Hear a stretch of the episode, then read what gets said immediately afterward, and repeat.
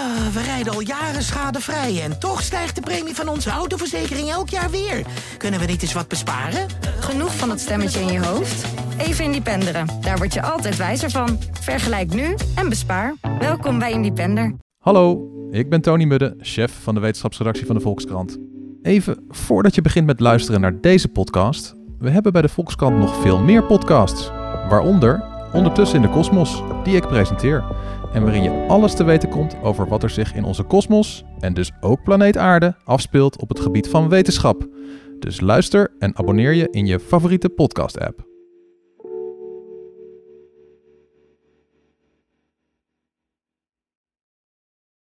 Hallo, mijn naam is Gijs Groenteman. Ik zit niet in een archiefkast op de redactie van de Volkskrant. Ik zit uh, naast de archiefkast op de redactie van de Volkskrant. Ik ben wel weer eens op de redactie van de Volkskrant. Alleen ik kreeg het licht in de archiefkast niet aan. Dus ik ben even in een vergaderruimte ernaast gaan zitten. Om een interview op te nemen met uh, iemand die op dit moment op verkiezingscampagne is. Heel erg druk. Ze probeert in de Tweede Kamer te komen. Ik ben heel benieuwd of het haar lukt. En als het haar lukt, ben ik heel benieuwd hoe ze dat gaat aanpakken. Eenmaal in de Tweede Kamer. Dat wordt spektakel, want ze zorgt al ja, decennia lang voor spektakel. Al toen ik op de middelbare school zat, was ze een spektakel. Of zorgde ze voor spektakel. Uh, toen keek ik al naar haar. En nog steeds volg ik met heel veel interesse. Uh, we gaan het hebben over het leven en het politieke en al het andere. Luister naar mijn interview met Sylvana Simons.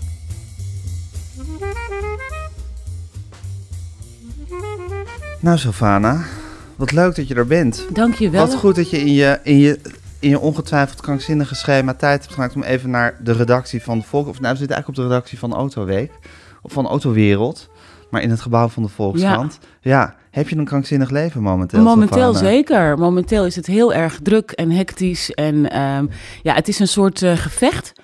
Um, het gevecht om de stemmen. Dus je moet gewoon uh, van je laten horen, overal aanwezig zijn. En het gaat maar door. Voelt dat zo? Als een, gevecht, als een, soort, als een soort strijd die je ja. aan het leven bent om zieltjes te winnen? Nou, niet zozeer om zieltjes te winnen, maar om zoveel mogelijk mensen te vertellen over wie we werkelijk zijn, wat we werkelijk doen, waar we voor staan en waarom het ontzettend belangrijk is om op ons te stemmen. En het woord werkelijk impliceert dat er een uh, ding is wat jullie werkelijk zijn en blijkbaar een idee wat jullie zijn. Precies, dat heb je heel goed gehoord. Ik, uh, ik merk dat heel veel mensen denken dat we een one-issue partij zijn, die zich alleen maar druk maakt over Zwarte Piet en zo. Uh, maar dat is niet zo. En het is jammer als mensen dat denken, want ja, we hebben een duidelijk standpunt over Zwarte Piet en over racisme. Maar we hebben een fantastisch programma dat ook gaat over het klimaat en over bestaanszekerheid en over handel en economie. Dus het is jammer als mensen dat niet weten. Ja, dus dat probeer je duidelijk te maken. Ja. En wat is, zijn er nog andere grote misvattingen behalve dat one-issue-partij? Nou ja, wat ik gisteravond nog hoorde, en het was ook niet de eerste keer, was: uh, ja, is de partij wel meer dan Sylvana alleen? Dat vind ik ook jammer, want het is. Uh, nou, ik heb je nummer twee, Quincy Gario, ook geïnterviewd ja, in klopt. dezezelfde podcast. Um, dus die is er sowieso ook wou bij. Ik zeggen, ja. we hebben nummer twee en drie. We hebben een lijst met 18 fantastische mensen. Maar daar staan nog honderden mensen achter. Vanuit het bestuur, vrijwilligers, kaderleden, afdelingen inmiddels door echt zo'n beetje het hele land ja, het is jammer als mensen denken dat dit een hobbyclub van Sylvana Simons is. Want ja. ik zou willen zeggen, ja. integendeel. Hoe is het voor jou geweest de afgelopen jaren om die partij op te bouwen? Ja, dat is intens. Dat is heftig, omdat ik dat nog nooit had gedaan. Um, niet weet hoe dat moet. En ook omdat wij niet de gebaande paden volgen. Dus we, we zijn eigenlijk ons eigen wiel aan het uitvinden. Um, nou, dat gaat dan met horten en stoten. Maar ik moet zeggen dat ik heel erg trots ben. Ik had gedacht, nou over vijf jaar, en na vijf jaar, dan staan we een beetje. Maar ik kan nu wel zeggen dat we als organisatie echt goed staan. En op hoeveel jaar zijn we nu? Vier. Vier, oké, okay, precies. Maar nu ben, ja. nu ben je al ergens waarvan je denkt, nou, het Absoluut. begint wat voor te stellen. Ja, ja um, genoeg. Wat vooral, kijk, uh, politieke partijen zijn ook maar gewoon een vereniging. Afhankelijk van vrijwilligers. Je hoeft dan weliswaar geen bardienst te draaien, maar er moet wel geflyerd worden of stukjes geschreven worden. En om dat goed te organiseren, ja, dat, dat is ontzettend lastig. Dus ik ben ontzettend blij dat er nu mensen zijn die dat ook namens mij kunnen doen. Ja. Uh, toen wij begonnen, toen schreef ik nog elk Facebook bericht zelf, weet je wel. Uh, en intussen, ja, dan zit ik op Facebook of waar dan ook. En dan zie ik ineens berichten voorbij komen. Ik denk, yes, er is een redactie. Iemand doet dit. Dit, dit gebeurt gewoon. Uh, dat is iets wat mensen nooit zien en ook niet willen weten. Het is een beetje alsof je kind opgroeit ja. en zelf dingen ja, gaat doen. Ja, zelf de jas aan doen. Wauw. Ja. Uh, en, op een gegeven moment zelf in een auto stapt en wegrijdt. Nou ja, in mijn geval op een gegeven moment zelf kinderen krijgt. Hè? Ik ben al oma. Het is toch niet te geloven? Ja, dat is inderdaad niet te geloven. En toch is het zo. Ja, en, dat, en dat is... blijken ze dan ook te kunnen. Ja, een kind precies. opvoeden. Ja. ja. Ja, dus het is, nou ja, goed, dat gebeurt dus nu in de partij. En dat maakt me heel trots en heel blij. Ja. Wanneer is eigenlijk de politicus in jou wakker geworden, Sylvana? Ja, eh, ik denk in 2016. Toen ik, ehm, dat was een jaar na het beruchte moment met Martin Simek aan tafel. Ehm, toen ik me steeds meer begon te realiseren dat we niet te maken hebben met een eh, pestactie richting Sylvana Simons, maar met een structureel probleem rondom racisme, seksisme en ongelijkheid. En ik realiseerde me ook op dat moment dat veel daarvan politiek gestuurd is. Dat de verwijdering in de samenleving ook komt door spindokters in Den Haag, die woorden als kop voor de tax bedenken eh, en, en de samenleving insturen. Eh, die mensen als tenten of pinguïns omschrijven en dat de samenleving insturen. Dus, en dat, dat, is, dat is zeg maar het morele stukje. Ja. Maar er is ook gewoon heel veel eh, wetgeving of regelgeving, kan ik beter zeggen, eh, die ontzettend oneerlijk is. En dat heeft het toeslagenschandaal bewezen, helaas. Ja. En toen dacht ik, nou, als dat de plek is waar er zoveel misgaat en waar de grootste invloed zit, dan is dat waar ik wil zijn, omdat dat is wat ik kan.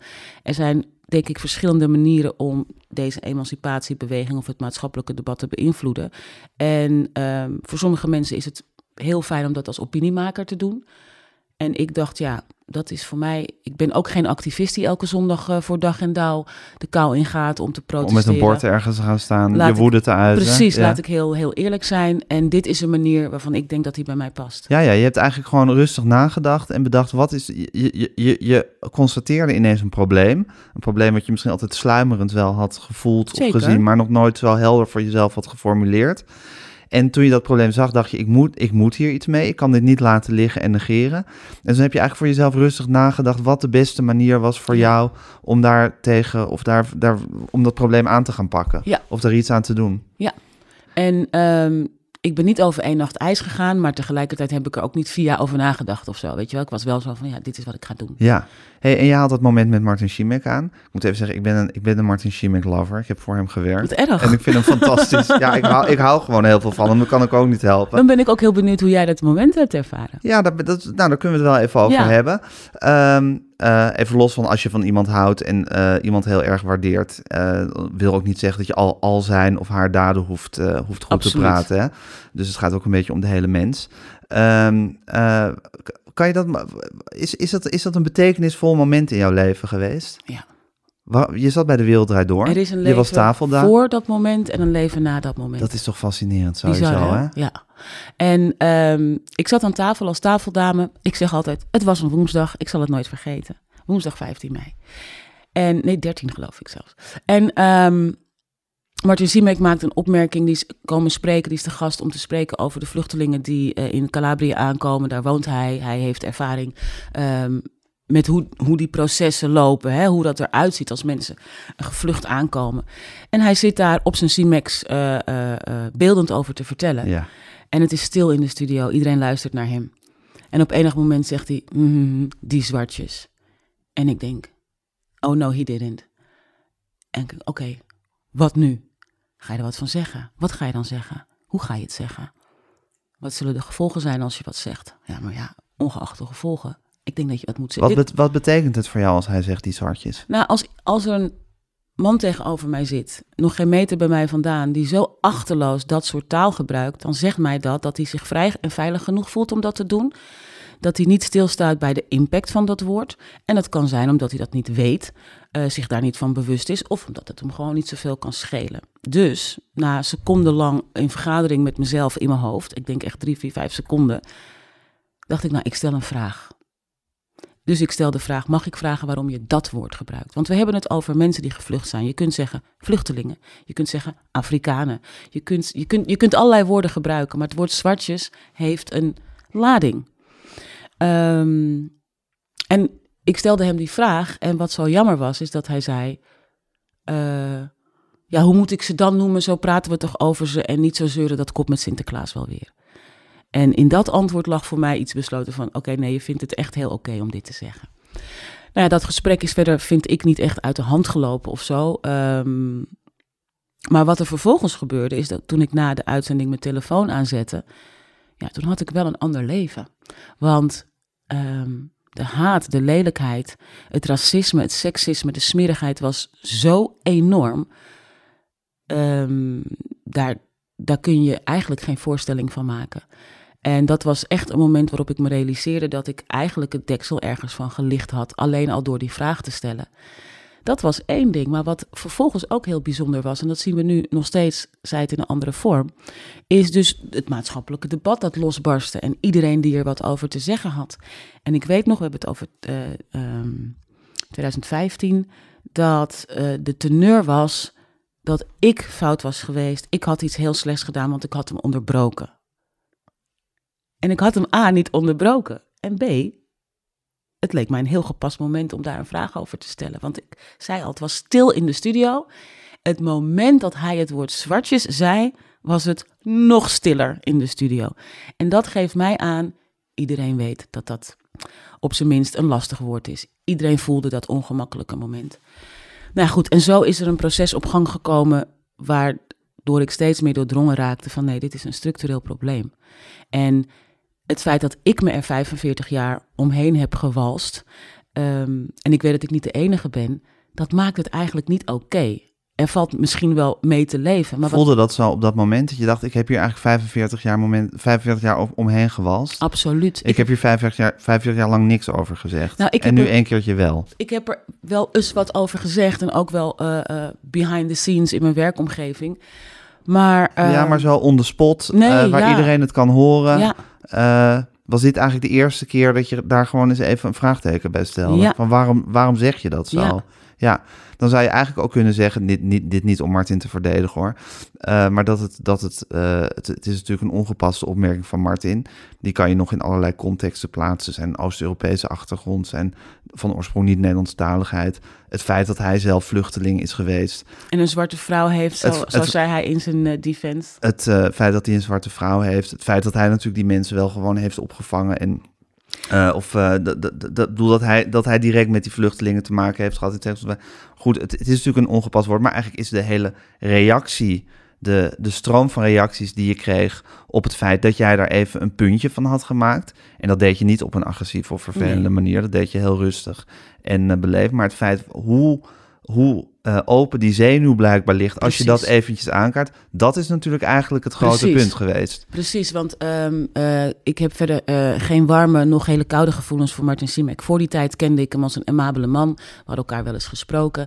En dat was ook precies de reden dat ik hem eigenlijk de kans wilde geven om te zeggen: hé hey joh, ja. ik gebruik dit woord heel achterloos, excuse me, en door. Ja.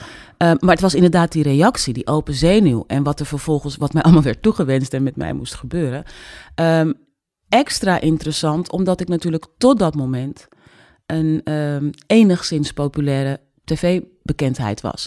Dus het, het, het waarnemen van die omslag, dit, ik was een grens overgegaan. Ja. Ik had verdorie Martin Siemek A onderbroken. Dat was, al, dat was een enorm probleem voor heel veel mensen. En B, ik had iets aangestipt waar we het gewoon in Nederland even gewoon helemaal liever niet over hebben. Vooral dat waarschijnlijk, hè? En uh, dat ging van kwaad tot erger. Maar voor mij was dat eigenlijk ook een, een, een moment waarop mijn blik opende. En ik me realiseerde van ja, Sylvana, je hebt een positie in de samenleving verworven uh, waar een enorm podium aan vasthangt. Gebruik dat podium. En het is ergens wel grappig, omdat ik jarenlang op zoek ben geweest naar een manier die bij mij paste om dat podium voor the greater good in te zetten. En uh, dit was blijkbaar het moment. Het moest blijkbaar zo zijn. Ja, hey, en kan, kan je je nog voorstellen waarom je 45 jaar lang om die hete brei bent heen gedraaid eigenlijk? Ja, zelfbehoud. Je ziet wat er gebeurt als je het niet doet. Dus uh, dat is exact de reden. En dat voel je eigenlijk altijd dat al? Dat weet je. Dat weet je. Je weet dat als je... Er zijn een aantal trieste... Um, hoe moet ik dat nou zeggen? Standaard reacties. Uh, als een vrouw zegt ik ben aangerand, dan weet ze dat ze eerst door haar eigen verdediging heen moet. Had je geen kort rokje aan? Wat deed je daar in je eentje? Heb je wel gegild? Heb jij het wel goed gedaan? Als je racisme aan de kaak stelt, idem. Dus um, dat weet ik, want ik heb me natuurlijk wel eens uitgesproken. Ik zie ook wat er gebeurt in de samenleving en uh, uh, in het bedrijfsleven. Hoe moeilijk het is voor mensen om dit aan te kaarten en zelf overeind te blijven staan. En ik wist ook al 25 jaar lang, zo lang zit ik zeg maar, zat ik in het vak, um, dat het moment onvermijdelijk was. Hè, dat het een keer ging komen dat ik me ergens over moest uitspreken. Maar in Nederland is de teneur, er wordt iets ongepast gezegd, we lachen het weg. We negeren het. Dus ik wist... En we ontkennen dat het zo en we is. ontkennen dat het zo is. Mhm. Ik wist op het... Daarom dacht ik ook goed na over... Wat zeg, zeg ik iets? Dat was al de eerste afweging. Zeg ik iets? Ja, Ik moest iets zeggen, want ik realiseerde me... Mijn kinderen zitten ook te kijken. En als ik niks zeg, dan heb ik aan hun iets uit te leggen. Want eh, dat is niet hoe ik ze opvoed. Hè, ik voed ze op met eh, eh, de wetenschap dat ze altijd iets mogen vragen. En dat ze altijd voor zichzelf en dat het woord komen. zwartjes ongepast is. Precies. Ja, Dus ehm, daarom heb ik ook dat gesprek met mezelf in mijn hoofd gehad. Van Sil, ga je wat zeggen? Hoe ga je het zeggen? Hou je stem laag, niet beschuldigen. Ah, stel een vraag. Dat is altijd neutraal, niet aanvallend. Ehm, hou, ja, hou je stem laag, niet schreeuwen. Weet je wel, Ja. al die dingen. Eh, en het, het maakt niet agressief overkomen. Precies. Ja. en het maakt helemaal niet uit hoe je het zegt of hoe je het vraagt. Het dient gewoon niet geadresseerd te worden. En dat merk je overigens ook eh, tijdens de verkiezingscampagne. Ehm, we hebben het jaar gehad van eh, het toeslagenschandaal. En meer, hè, Black Lives Matter. En het gaat er gewoon helemaal niet over. Men, men vindt het zo eng. Nou ja, goed, zo is het ongeveer een beetje gekomen. Eh, want dat toeslagenschandaal en Black Lives Matter gaan ook hand in hand voor jouw gevoel? Of dat is, dat, dat, die, die komen uit dezelfde bron? Omdat Ja. het toeslagenschandaal ook een sterk racistische Ja, eh, inslag heeft. absoluut. Ja, En ehm, kijk, er bestaat niet zoiets als een beetje racisme. Wat we in Nederland echt moeten gaan accepteren, en daar ben ik al vijf jaar hard voor aan het werk, is het bestaat. Het is er. Zoals het overal altijd is. Dat is een verschrikkelijke constatering. Maar als vrouw en als zwarte vrouw weet ik ehm, hoe het is om je weg te vinden ondanks dat je, hè, je accepteert het, je weet dat het er is, je bent er min of meer altijd op beducht, hoewel het me op dat moment overviel. Dat Ja, maar je leeft er altijd naar. Maar je leeft er Ja. altijd naar en mee. ja. Ehm, en dat is moeilijk om te accepteren voor, voor ons, voor Nederland. Lijken seksisme en racisme op elkaar? Ze gaan meestal hand in hand. Ja, want ik kan me voorstellen, je bent natuurlijk ook een icoon uit mijn jeugd als VJ van TMF. Ik kan me voorstellen in die eh, Veronica 538-achtige wereld die dat geweest moet zijn, waar allemaal beeldschone jonge meiden daar die nieuwe zender aan het, eh, aan het promoten en eh, vormgeven waren. onder leiding van natuurlijk een paar mannen die ook wel van wanten wisten. Dat het ook een tijd moet zijn geweest ja, waar, je, waar je je mannetje hebt moeten staan. Of waar je daar ook mee hebt moeten dealen. Absoluut, maar ik, ik blijf dus stellen, dat moet ik altijd overal. Eh, dus mensen vragen wel eens aan mij, maar toen je op school zat, heb je toen eh, racisme meegemaakt? Ja. Eh, toen je ging werken? Ja, ook. Daar, ja. Het is overal altijd. En ik wil wel over TMF zeggen, ik heb daar zelf, ik heb er de laatste tijd heel veel over nagedacht, relatief weinig seksisme zelf Mhm. persoonlijk meegemaakt. Maar de cultuur in de entertainmentwereld Is natuurlijk een mannetjescultuur. is natuurlijk, Ja. eh, hè, eh, zijn wel haantjes. Ehm, en natuurlijk heb ik daar ook racistische opmerkingen meegemaakt. Ehm, en soms adresseer je dat en soms niet. Maar het is niet zo dat ik dat zelf heel opvallend vind, want het is er altijd overal. Ja, ja. En dat is natuurlijk inderdaad hoe je, hoe je gewoon als mens natuurlijk sowieso in de wereld... Doe je, iedereen, iedereen roept reacties op. Als je, zal maar zeggen, een mismaakt gezicht hebt, zal ik maar zeggen... eh, dan zal je altijd... Dan ben je helemaal ingetuned op het feit dat mensen altijd op een bepaalde manier... Kijken, ja. naar je mismaakte gezicht kijken. En op Ja. een gegeven moment merk je dat waarschijnlijk niet eens meer. Of ben je daar zo aan gewend... eh, Het is er gewoon. het is er. Ja. Totdat er inderdaad misschien inderdaad een moment komt dat je denkt... maar ik wil het niet accepteren. Juist. Ja, En zeker moet je je voorstellen in een live-uitzending, eh, wat ik in een programma dat ook een beetje mijn programma is, want ik was daar regelmatig tafel, tafeldame. En zoals ik al zei, kijk, mijn kinderen zaten te kijken en mensen die op mij lijken zaten te kijken. En ik ben een van de weinige mensen, eh, een van de weinige Afro-Nederlandse vrouwen op tv. Als ik op dat moment niks zeg, dan zeg ik heel veel. ja, Dus ik moest wel. ja. het was je Eh, verantwoordelijkheid. Het was mijn verantwoordelijkheid en het, ik, ik dacht ook letterlijk, ah, here we go. Ja. ja. Voelde je, je voelde ook wel dat je gevoelig, gevoelig nou dat, dat voelde je zeker, want je, ja. want je was heel bewust van Ja. hoe ga ik me nu formuleren, hoe ga ik mijn stem houden, eh, hoe kijk ik, hoe doe ik. Dus je was je bewust dat het gevoelig was. Desalniettemin toch geschrokken van de, van de haat die je over je heen had gekregen, want al die jaren had je jezelf ingehouden. Dus dan, dus dan, dus dan, dus dan lok je ook niet zoveel uit. Maar nu één keertje een beetje over die lijn gegaan en je krijgt meteen alles over je heen. Ik kan me ook voorstellen dat dat dan vervolgens een last is die je draagt, maar dat het ook een soort bevrijding is. Voor jouzelf Het is zo grappig dat je dat zegt, want ik realiseerde me dat echt een paar weken geleden. Ik denk dat het in antwoord op een vraag was. En toen, toen zei ik, ik heb me nog nooit zo vrij gevoeld. Vogelvrij, voor een gedeelte. Zeker ja, de in de zin Eh, van onbeschermd. Precies. Ja, Maar ook vrij. ja. En ehm, dat gevoel groeit naarmate de tijd verstrijkt. Dus eh, ja, dat is ook een heel prettig gevoel. En het heeft mij eigenlijk ook bij mijn purpose, bij mijn missie gebracht. Ja, dit wat ik nu doe, dat voelt zo goed. En ehm, ja, hier moesten we dus blijkbaar uitkomen. En je purpose of je missie is, je hebt heel groot, eh, een je hebt een trui van bijeen, eh waar heel groot op staat gelijkwaardig bijeen. Yes. Gelijkwaardigheid, dat is jouw purpose Ja. en je missie. Ja. Ja. en ik denk, achteraf gezien, dat dat altijd zo geweest is. Want je vroeg natuurlijk wanneer is politieke dier in je wakker Ja. geworden. Ik was op school al een klein activistje, op de lagere school al. In mijn tijd vochten we eh, voor de zeehondjes en tegen kernenergie. Ehm, Nelson Mandela zat nog vast. Ehm, dat moment dat, dat hij naar buiten liep ehm, uit zijn cel op Robben-eiland, nou, dat, dat, dat, dat is een levensbepalend moment geweest. Maar ik gaf daar helemaal geen, geen eh, uiting aan. En ik ben in de entertainment terechtgekomen en dat voelde ook fantastisch. Dat was ook heel fijn.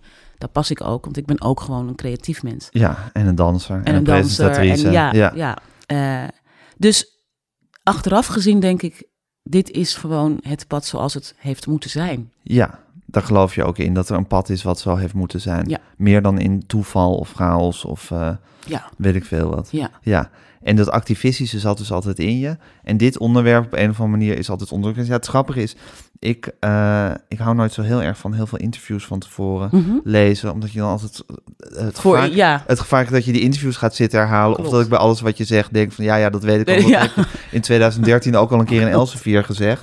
Ehm, maar ik heb jou een keer eerder geïnterviewd in, eh, voor het Parool. Eh, en daar heb ik hele goede herinneringen aan. In het, eh, in het café eh, Oslo. Je Ja. herinnerde het je ook nog. Ja. Ik weet niet precies hoe lang geleden is, maar ik denk nou zeker tien jaar geleden. ja, het was in ieder geval voor dit alles. Het was voor dit Ja. alles. Dus het, het, ging, het ging eigenlijk ook helemaal niet over racisme. Nee. Misschien een beetje over seksisme, maar eigenlijk dit, dit- waren nog niet de thema's. Maar het ging wel over dat je, het ging wel over het feit dat jullie immigranten waren in Nederland, het gezin waar je uitkwam, je ouders, en dat heel erg de teneur was van doe normaal, pas je aan, zorg dat je niet te veel opvalt, eh, Ja. zorg dat je niet buiten de lijntjes kleurt. En wees succesvol. Dat moet er altijd achteraan. ja? Ja, ja, dat is de opdracht van het migrantenkind. Intussen noem ik ons gezin geen migrantengezin meer. Omdat Waarom niet? Omdat ik denk dat als je in 1972 uit Suriname bent gekomen, dan ben je gewoon geen immigrant. Dan ben je een Nederlander van de, van de andere kant eh, van het Koningsrijk, eh, met een Nederlands paspoort geboren. En ehm, ja, Zeker, maar feit is dat je uit een, uit een heel ander, andere wereld komt. Ja, met blijft. een ander klimaat en een andere cultuur en een Alles andere eigenlijk. manier van doen. ja, En een, eh, eh, ik zal geen zeggen andere kleur, maar een niet-witte kleur. Wat natuurlijk toch op dat moment zeker nog de grote dominante kleur Ja. was. Dus je, dus je valt ook in uiterlijk gezien toch op in Horen, waar je opgroeide. eerst in Amsterdam. Of eerst in Amsterdam. Jonge jeugd in Amsterdam. Jonge jeugd in Amsterdam, maar daarna in Horen. Eh, dus je bent in- inderdaad feitelijk gezien geen immigrant, want je, bent gewoon, je hoort gewoon tot het koninkrijk. Maar je bent natuurlijk in je hele wezen. Absoluut. Ja, En dan blijft ook staan wat jij net zei. Hè? Dus die opdracht aan het migrantenkind is altijd wees succesvol. Word Hoe dokter, voel je word advocaat. Het is impliciet, maar je... En ik weet ook niet of mijn ouders dat zo ooit benoemd hebben, maar ik ben me altijd wel bewust geweest van het feit, we zijn hier because of me. Mijn toekomst deed Ja. ertoe voor mijn ouders. Ehm, dat was de reden dat ze hierheen kwamen. ik denk dat dat altijd de reden is dat mensen eh, het elders beter zoeken. Ja, En, ki- ehm, je kinderen. ja, je dat wil, is toch de diepe evolutionaire kracht van mensen. Die kinderen moeten het goed hebben. ja, ja. beter dan ik zelf had. Ja, En eh, mijn ouders zijn een paar jaar voor de onafhankelijkheid vertrokken. Die hing wel een klein beetje in de lucht, maar was zeker niet concreet. Het is de laatste twee jaar heel snel gegaan. Ehm, je, ik zeg wel eens, ehm, als zwart mens of als immigrant, als bruin mens, als Turk, Marokkaan, eh, weet ik, zelfs als vrouw, ehm, je hebt niet hetzelfde recht. You don't have the same right to fail and also not the same right to success. Dat is ongeveer waar je in leeft. Dus de opdracht is, doe het goed. Maak geen fouten. Doe het twee keer zo goed. Dan, Ja. Niemand moet iets op je aan te merken kunnen hebben. En wat, wat je nu zegt is, you don't have the same right to fail. Dus als je faalt, als je ontspoort, als je even in de criminaliteit terechtkomt, als je het fout doet, dan ben je extra fout. Dan, ja. Want je komt hier naartoe en vervolgens ga je de sfeer verzieken. En als je succes hebt, dan pik je het succes van eh, mensen die hier al waren. die er in. meer recht op hebben. Maar ook als je faalt, dan faal je je hele gemeenschap. En Ja. als je succesvol bent, heb je ook de verantwoordelijkheid voor je hele gemeenschap om die mee te trekken in Ja. jouw succes. Want er wordt ook altijd als, als, als, eh, als een Marokkaan, stel Marokkaanse jongens rottig uithalen, dan moet, dan moet de Marokkaanse me- gemeenschap Hele zich Marokka- ongeveer ja. verontschuldigen voor Ja. het feit dat dat gebeurt. Ja. Dus dat voel je. Dat, Dat, je is altijd aanwezig. Ja, dat je, dat je ei- eigenlijk gewoon een volstrekt eh, ja, middenpad moet bewandelen om niet op te vallen. En alles wat daar buiten gaat, moet je je al bijna voor verexcuseren. Ja. En ondertussen voel je van je ouders natuurlijk ook dat van in godsnaam slaag. Want we, zijn hier voor jou gekomen. We hebben alles op alles gezet om een nieuw leven op te bouwen. Ja. Eh, En pak, met de beste pak de kans, tuurlijk, nee, liefde, hè? Pak de kansen die hier zijn. Ja, je kan alles worden hier. Dit land is, heeft- weet je wel, maar mits. Hè? Dus mits je goed werkt, je best doet en eigenlijk twee keer zo hard werkt voor hetzelfde resultaat of dezelfde waardering. Ik denk dat dat, en ik zag daar toevallig ook een keer een stuk over van een eh, Britse comedian. En ehm, zij zegt dat letterlijk. Ik heb dat van haar. ehm, de opdracht van het migrantenkind. En daar heeft ze een fantastische eh, sketch over. eh, dat ze dan aan haar moeder vertelt dat ze comedian wil worden. Nou, dat is natuurlijk, dat kan niet. Je kan niet een immigrant zijn en je kind wil comedian worden. Dat is, dat, dat, Net zoals danseres. dat- nou precies, net Ja. als danseres. Weet je, come on. Ja, advocaat op zijn doktersassistenten is, is ook goed. ja, als je maar een witte jas aan mag. Precies. Ja. En status. Ja. Eh, en dat is trouwens, dat is wel iets heel grappigs wat je in heel veel eh, emancipatiebewegingen ziet. Dat de norm, namelijk eh, die cisgendered witte heteroseksuele man, Ja. die wereldwijd de norm is. ja, ik. Jij, inderdaad. Ehm, dat wordt ook de norm voor wanneer je emancipatie geslaagd is. Dus wanneer ik naast jou woon en ook twee auto's voor de deur heb en eh, dezelfde titels, weet je wel, dat, Ja. dat, en dan, dan is het goed. En op, op gezellige uh, babbelvoet met mij bent. Ja, precies, Ja, ja. precies. Eh, ehm, en dat is, dat is heel grappig om te zien. Dat geldt ook bijvoorbeeld voor de witte eh homobeweging. Die, die, die, die, dat was ook op het moment dat zij ehm, ook de banen kregen van de hetero-mannen... en ook eh, in pak eh, gerespecteerd werd, was het klaar, de Ja. emancipatie. Dus dat is grappig. Dat, eh, en als je dat doet, en dat heb ik natuurlijk best braaf, niet helemaal braaf, want ik ben gaan dansen. eh, en ik ben de entertainment ingegaan. En ik heb Ja, dat maar daarin was je wel succesvol en ambitieus. En bij Precies. RTL en SBS en eh de publieke omroep. Maar goed, daar, Ja. heb, daar heb je wel de goede banen heb je Precies, daar gehad. Precies. Ja. ja, want dat voelde, je, dat, dat, dat, dat, dat, dat voelde je ook toch als je opdacht. En was je gelukkig daarin? Ah, hartstikke. Ja, Hartstikke gelukkig. Ik bedoel, ik ben gaan dansen toen ik, nou ja, misschien nog wel voordat ik kon lopen. En om dan daar eh, mijn werk van te maken en daardoor te kunnen reizen en mooie mensen te kunnen ontmoeten. en lol te hebben en, en lol geld te, te, verdienen. hebben en geld te verdienen. In de it- it- ik heb echt heel vaak gelachen. Er ging natuurlijk vroeger wel eens iets handje contantje. En dan had ik een avond, een te gekke avond in de club gehad. En dan kreeg ik aan het eind van de avond een envelop. En dan dacht ik, nou, ik doe, zo, ik doe iets zo goed. Eh, want ik, was gewoon, ik had gewoon een leuke avond gehad en ik werd ervoor betaald. Ja, Eh, en hetzelfde geldt natuurlijk voor de televisie. Dat was ook ontzettend leuk om te doen. En, ehm, en daar zat zelfs ook nog wel een soort van kleine missie in hoor. Want ik ben natuurlijk met Sylvana Soul bij TMF begonnen.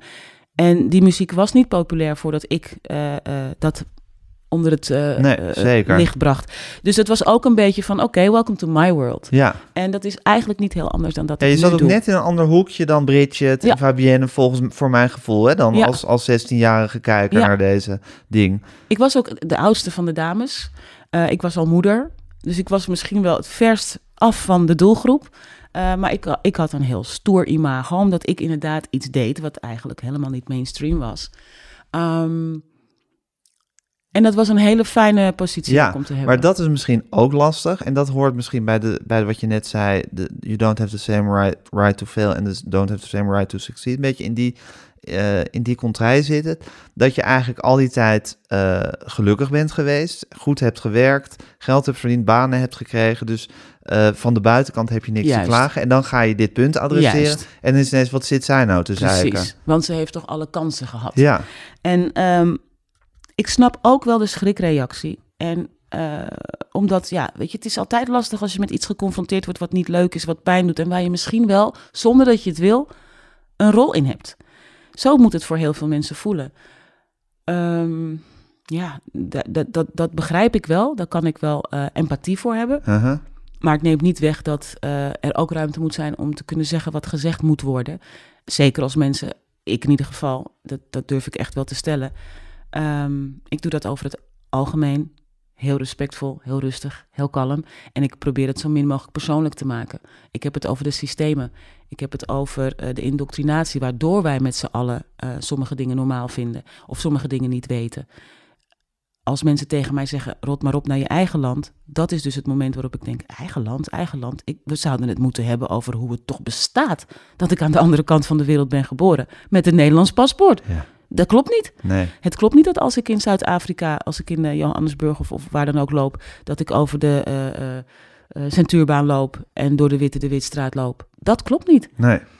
Maar dat weten heel veel mensen simpelweg niet. Dat wordt Nee. ons niet verteld. Nee, dat is een fout in de geschiedenis. Of een, een, een, een ernstige misstand in de geschiedenis Mhm. eigenlijk. Waar overheen wordt gestapt. Ja. Ja. En w- wat voor soort dingen... Je, je kreeg dus al die, al die, al die, die, die bagger en die shit eh, over je heen. Ehm, wat neem ik aan intimiderend is en kwetsend en gekmakend van woede. eh, kan ik me allemaal voorstellen. Maar is het ook, verbaasde het je ook? De mate, de, De mate mate van- verbaast Ja. Ik, moet zeggen dat de mate na die hele, de, het racisme wat loskwam in de Zwarte Piet discussie heeft mij ook wel heel erg verbaasd hoor, moet ik zeggen. Ja. Terwijl ik het niet eens zelf heb ondervonden, maar Nee, maar ik, ik, ik, weet dat er sentimenten zijn en ik weet dat, dat, hè, dat, dat die gevoelens en gedachten leven. Maar de gretigheid waarmee eh, werd aangegrepen, maar nu kan ik los Ja. op haar. Dat was een soort hongerigheid van Ja. hè, hè, nu kan ik eindelijk echt zeggen wat ik denk. Eh, dat heeft me eh, wel verbaasd. Dus dat, dat, hè, dat, dat het... ja, maar het is inderdaad gretigheid is het goede woord. Ja. Dat had ik ook bij die Zwarte Piet discussie. Dat de, de, het gemak waarmee mensen ineens... Ik ben geen racist, maar... Weet ja, je ik wel, ben ja. racist, maar dan de meest flagrante racistische dingen gewoon eruit, eh, eruit gooien. En dat zijn natuurlijk inderdaad dingen die je altijd wel voelt, ook als ze niet gezegd worden. Maar je voelt dat mensen denken of dat ze het achter je rug om Nou, het is of nog dat veel het... erger. Wat ik wel heb ervaren, en dat was het meest ehm, enge. Ik ben helemaal niet echt bang geweest in die tijd dat ik zo ontzettend bedreigd werd. Het is nu overigens, dat wil iedereen weten, het is nu echt... Ik denk dat ik tijdens de verkiezingscampagne de minst eh, bedreigde of beveiligde eh, eh, lijsttrekker was. Ehm, maar wat, wat, nou ben ik mijn punt kwijt. Ehm, ja, wat me wel angsten, of angst, wat, wat, Ja. wat ik wel eng vond, was ehm, nou ja, niet, niet zozeer de massaliteit, maar ik wist op enig moment niet meer. Er, waren, er was een Facebookpagina aangemaakt. Een uitzwaaipagina voor Sylvana Simons. Eh 60.000 mensen likten die pagina. Daar ben ik verder niet zo van onder de indruk. Maar kwam toen een avond thuis en het buitenlampje voor de deur deed het niet meer. En ik dacht, shit, straks sta ik hier in het donker. En ineens zag ik dus 60.000 mensen in mijn straat. Je voelde ze ineens in je nek hijgen. Ik denk, 60.000 mensen, als die hier allemaal voor de deur staan, ja, dan, dan hè, dat is best veel. Dus dat was wel intimiderend. Ja, Ehm, ik ben nooit echt bang geweest, hoewel mijn vrienden zeggen, jawel, want je ging beneden op de bank slapen met, met, met een houten stok naast, de- naast je. Dus je bent wel bang geweest. Ehm, maar ik, het was, ik voelde het meer als, een natuurlijke verdediging. Kom ik- maar op dan. kom maar op dan, Ja. I'm ready for jou. Ja, Eh, en als ik boven lig te slapen, dan word ik misschien overvallen. Dus ik ben hier. Zodra je binnenkomt, eh, ben ik er. Dat is hoe ik het ervaar. Maar mijn vriendinnen zeiden, dat zou best wel eens met angst te maken kunnen hebben. ja. Ehm, en heb je veel moeten leren over het politieke bedrijf vervolgens? Ja. Eh, en dan, dan is dat nog steeds moeilijk aan te geven wat dan. Er zijn heel veel overeenkomsten, merk ik, met het werk dat ik deed en het werk dat ik doe. Ik moet net als vroeger mijn huiswerk goed maken. Dat moet je ook als je tv-presentator bent of dagvoorzitter van een bedrijf waar je verder helemaal niet de branche kent, maar toch de directeur moet interviewen. Ehm, dus dat is een overeenkomst. Ik moet spreken in het openbaar, eh, achter een microfoon, bijdragen schrijven, goed met tekst en taal Ja. omgaan. En als je een uitglijder maakt, dan ben je, de- ben je het haasje. Dus Dan je moet precies, zorgen dat je die goed. niet maakt. Goed, goed over nadenken, dat moest ik vroeger ook. Goed beslagen ten ijs komen. Ehm, er is wat, eh, moet je dat zeggen, roddel en achterklap, dat is er ook in de entertainmentwereld, of in ieder geval in de media waar ik in zat. Dus dat zijn allemaal overeenkomsten. Maar het grote verschil is, en dat verbaast heel veel mensen, het gaat nu wel over mij. Als presentator, als interviewer, uh, zelfs al heb je het grootste ego, het gaat nooit over jou. Je, bent, je geeft de microfoon door aan je gast. Je stelt de vragen Ja. aan je gast. Of je kondigt iets aan. Of je kondigt iets aan, Ja. of je deelt alleen iets mee. Feitelijke informatie. U kijkt nu naar. Mhm. Maar nu ben ik persoonlijk aan te spreken op alles dat ik zeg. En dat gebeurt dus ook. Ik heb ook een verantwoordelijkheid nu bij alles wat ik zeg. En ik ben de eindverantwoordelijk. Ik ben nu partijleider. Dus eh, dat is een groot verschil. Verder is het politieke bedrijf. Ik heb dat in het begin een beetje ervaren als de begintijd van TMF. Ik had ook nog nooit tv gemaakt toen ik dat ging doen. En die zender bestond ook nog niet. Dus we wisten allemaal niet hoe het moest. Dus het is voor mij eigenlijk. En dat is de leukste tijd van een bedrijf, die beginfase. Dus ik Ja, maar ook ingewikkeld. ook ingewikkeld. Ja, Eh, dat je bij Denk aansloot, was, zal ik maar zeggen, dat je even met je mond vol tanden stond in je eerste uitzending. Zeg juist, maar wat, precies, vergelijkbaar. Precies, ja. dat ik even dacht van, oh wacht even, Ja. is een hele andere Waar ben ik nou dynamiek weer mee bezig? Ja. Ehm, maar goed, het is ook leuk, leerzaam. Ik ben een snelle leerling en ehm, we hebben het nu eh, redelijk onder de knie. Ben je een snelle leerling? Ja. Ja? Ja. En geniet je daar ook van? Ja. Ik realiseerde me onlangs ook dat, ehm, even heel kort, ik was 14 toen ik van huis ging. Mensen vinden het moeilijk te geloven, maar ik ben een meisje van de straat, echt.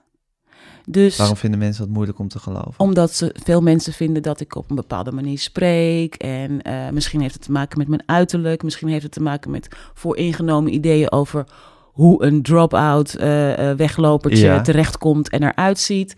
Ehm, het is voor veel mensen, zoals je al zei, moeilijk te rijmen. Dat glamoureuze leven wat ze van Ja. de buitenkant hebben Ja. kunnen aanschouwen. Je praat heel eh, keurig. Precies. Ja. Ehm, ik heb mijn school niet afgemaakt. Ik heb geen middelbare schooldiploma. Ik heb niet gestudeerd. Dus ik leer aldoende in dit leven. En nu, in deze context van de politiek, leer ik aldoende. En voor mij werkt dat heel goed.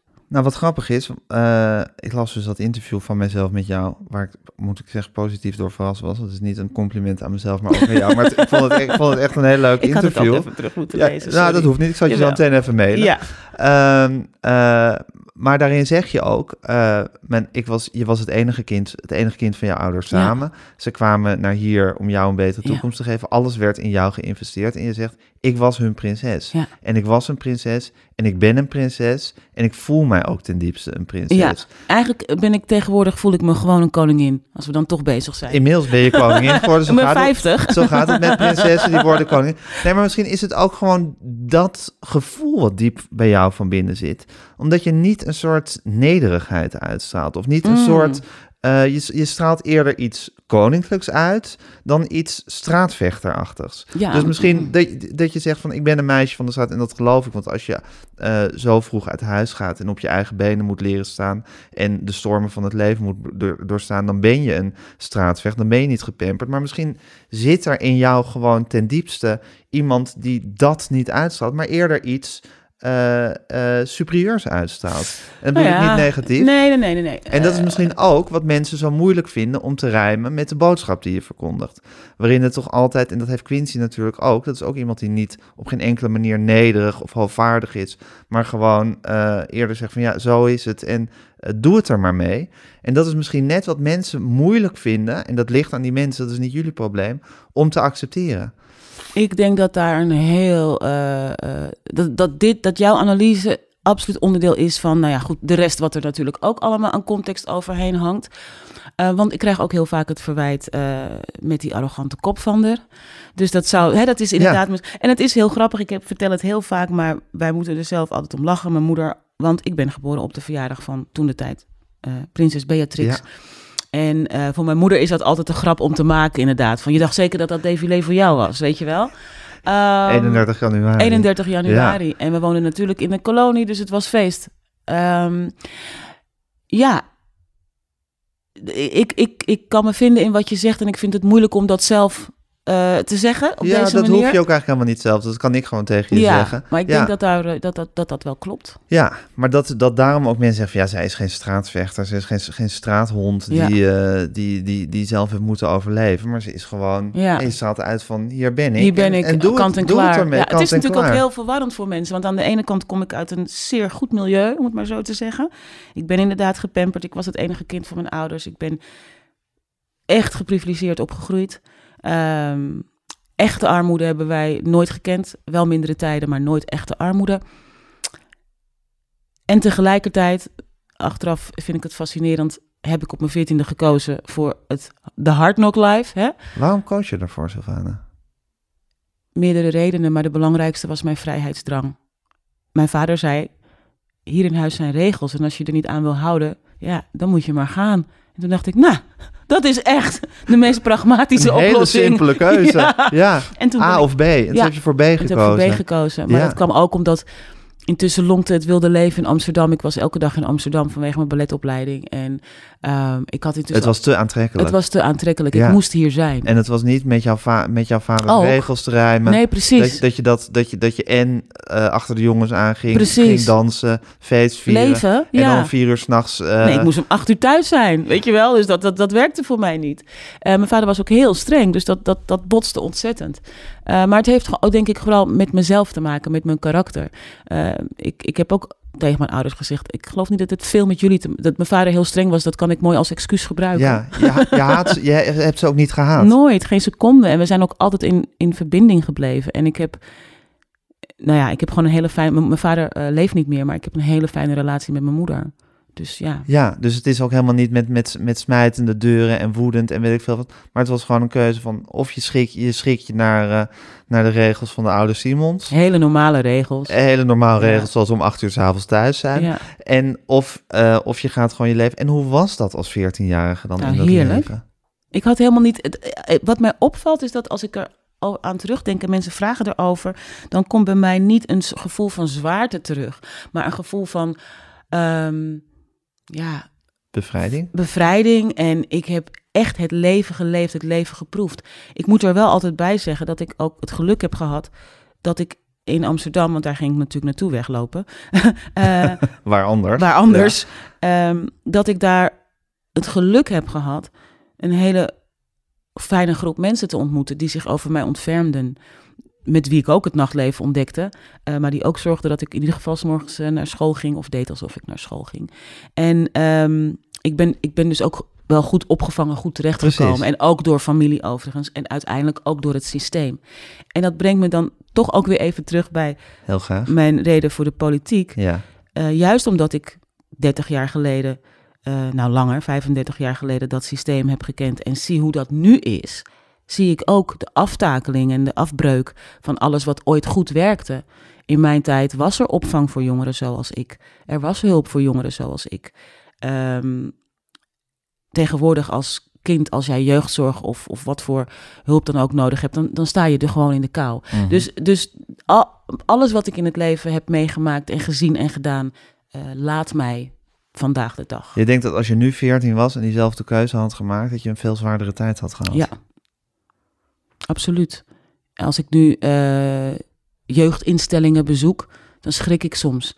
Niet zozeer van eh, de mensen die er werken, die allemaal hun best doen, maar het feit dat, er, dat het zo geïnstitutionaliseerd is dat niemand, ook kinderen niet meer als individu worden gezien, bijvoorbeeld binnen zo'n systeem. Dat we nog steeds te maken hebben met opsluiting van kinderen.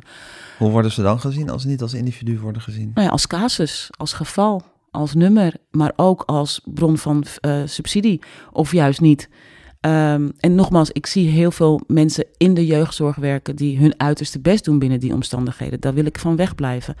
Eh, maar er zijn zoveel Dat regels. is juist het tragische, dat waarschijnlijk iedereen zijn uiterste best doet. Precies. Ja, Ehm, maar toch komen er wel hele schrijnende dingen voor. ja. Het is ook overregulatie, hè? Dat is het. Ja, en dat, dat, dat ongelofelijke van alles een dossier maken Ja. en alles, alles per punt, eh, protocollen afwerken. En dat, dat, waarom men dat doet, waarom de politiek dat doet, eh, dat is natuurlijk omdat er op die manier kun je makkelijk je verantwoordelijkheid ontlopen. Als de protocollen zijn gevolgd en eh, niemand heeft het verkeerd gedaan, want het, dat zie je in het toeslagenschandaal. Ja, dat, is, dat is daar het ultieme voorbeeld van. ja, Ehm, Dus ja, wie ik als mens ben, hoe ik gevormd ben, wat ik heb meegemaakt. De Wat ik overheid is de eigenlijk ook een soort monster geworden. eh, dat, dat, dat bestaat uit regels. En Ja. als die regels maar gevolgd worden, dan is het goed. Ja, Ja, en als de begroting klopt, als, als, het, als, het, als het, het Excel-bestand klopt, is het goed. als alles is aangevinkt. Maar wat het betekent voor de mensen die dat Excel-bestand vormen, die dat zijn, die dat dagelijks moeten leven, daar is steeds minder oog voor gekomen. Ja, en eh, daar zit dan ook vaak misschien een soort racistische of een seksistische ondertoon in. Of die tendensen. Nou, weet je wat het is? Die is er altijd overal. Ja, Dat is het vervelende. Want ehm, dat is onze geschiedenis. Onze geschiedenis is vanuit een illusie van superioriteit naar de rest van de wereld kijken. Niet alleen naar bruine en zwarte mensen, naar de rest van de wereld. Toen corona toesloeg in Italië, zeiden we, ja, daar ja, wij gaan het hier anders doen. Wij weten het altijd beter. We're such a smart people.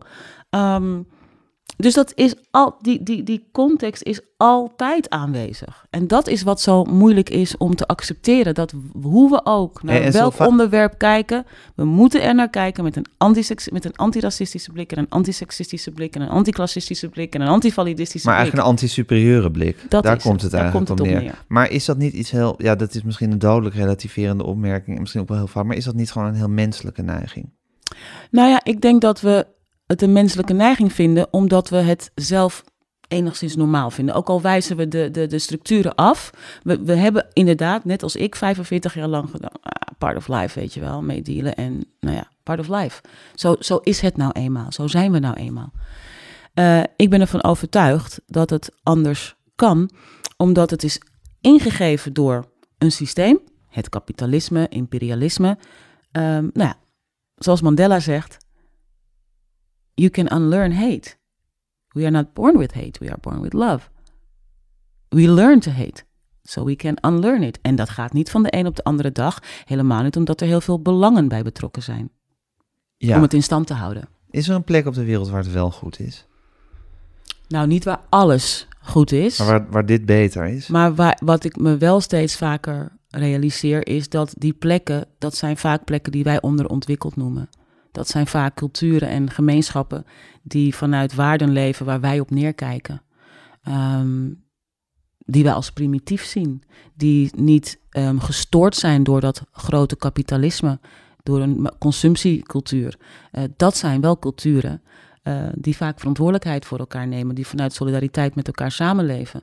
Eh, daar kijken wij naar als nou, enigszins achtergesteld, vaak. Maar, Dus dat zijn afgelegen stammen waar het consumentisme nog niet heeft toegeslagen. Ja. En willen wij zo leven? Nee. Maar zouden wij daarvan kunnen leren? Ja. Geloof je daarin dat dat kan? Ja. En niet, jij en ik gaan het niet meer meemaken. Wij zijn te oud, Gijs. Ja, zeker. Ja. Maar ik Jij gun bent het, al oma. ik ben al oma, maar ik gun het mijn kleinkind en haar kinderen. Eh, eh, eh, ik gun ze een planeet die het nog doet. Om dan te denken, ja, ja, gaat dat ooit lukken, is bijna een luxe die we ons eigenlijk niet kunnen permitteren. En dan iets heel anders in Nederland en in Europa. Het oprukkende fascisme dat we met elkaar schijnen. En ik zeg bewust we. Ik accepteer het niet, maar ik zeg bewust we, omdat we het als samenleving accepteren. Mhm. Omdat waar is de ouder? Nee, hoe bestaat het? Dat Geert Wilders drie avonden op rij op de publieke omroep de ruimte krijgt om het verkiezingsprogramma te verdedigen, waarin staat dat we een ministerie van de-islamisering nodig hebben. En eh, dat we eh, toch maar eens mensen moesten gaan deporteren. Hoe bestaat dat? Hoe, ik, ik, ik- nou, dus ja, nee, natuurlijk moet je daar je stem tegen verheffen en wat tegen doen. Natuurlijk moet je je. Nou ja, eh, je kan ook zeggen, er zijn heel veel mensen die hem, die hem volgen. Bedoel, hij heeft de tweede partij van Nederland in, eh in zetelaantal. Ja, maar eh, het lijkt me toch niet de bedoeling dat we denken, oh, eh, ten eerste, kijk, ja, oké, een paar dingen. Ja, het op twee na grootste partij van Nederland en ook de standpunten van de grootste partij van Nederland vind ik problematisch. Maar dat wil niet zeggen dat je ehm, daar niet tegen in verweer, juist tegen in verweer moet komen. Juist omdat het langzaam maar zeker een meerderheid is die er zo over denkt. Er was een tijd in dit land dat de meerderheid er niet zo over dacht. Maar nogmaals, we zijn politiek overspoeld met het mantra: wees bang voor die ander. Want het is een ander. Dus het is niet jij. Eh, hoort niet bij jou. Is niet net als jij gewoon een mens. Ehm, wees bang, je, de economie staat onder druk. Wees bang, eh, we hebben een woningtekort. Het komt allemaal door die mensen, die ander. Als die boodschap structureel verandert, ja, dan verandert er dus ook wat in de samenleving. Daar ben ik gewoon van overtuigd. En of het zo zal blijken te zijn of niet, ik moet me daarvoor inzetten. Mhm. Ik volg helemaal wat je zegt. Uh, aan de andere kant denk ik, het is ook een soort populistische wind die er waait. Door de hele wereld eigenlijk.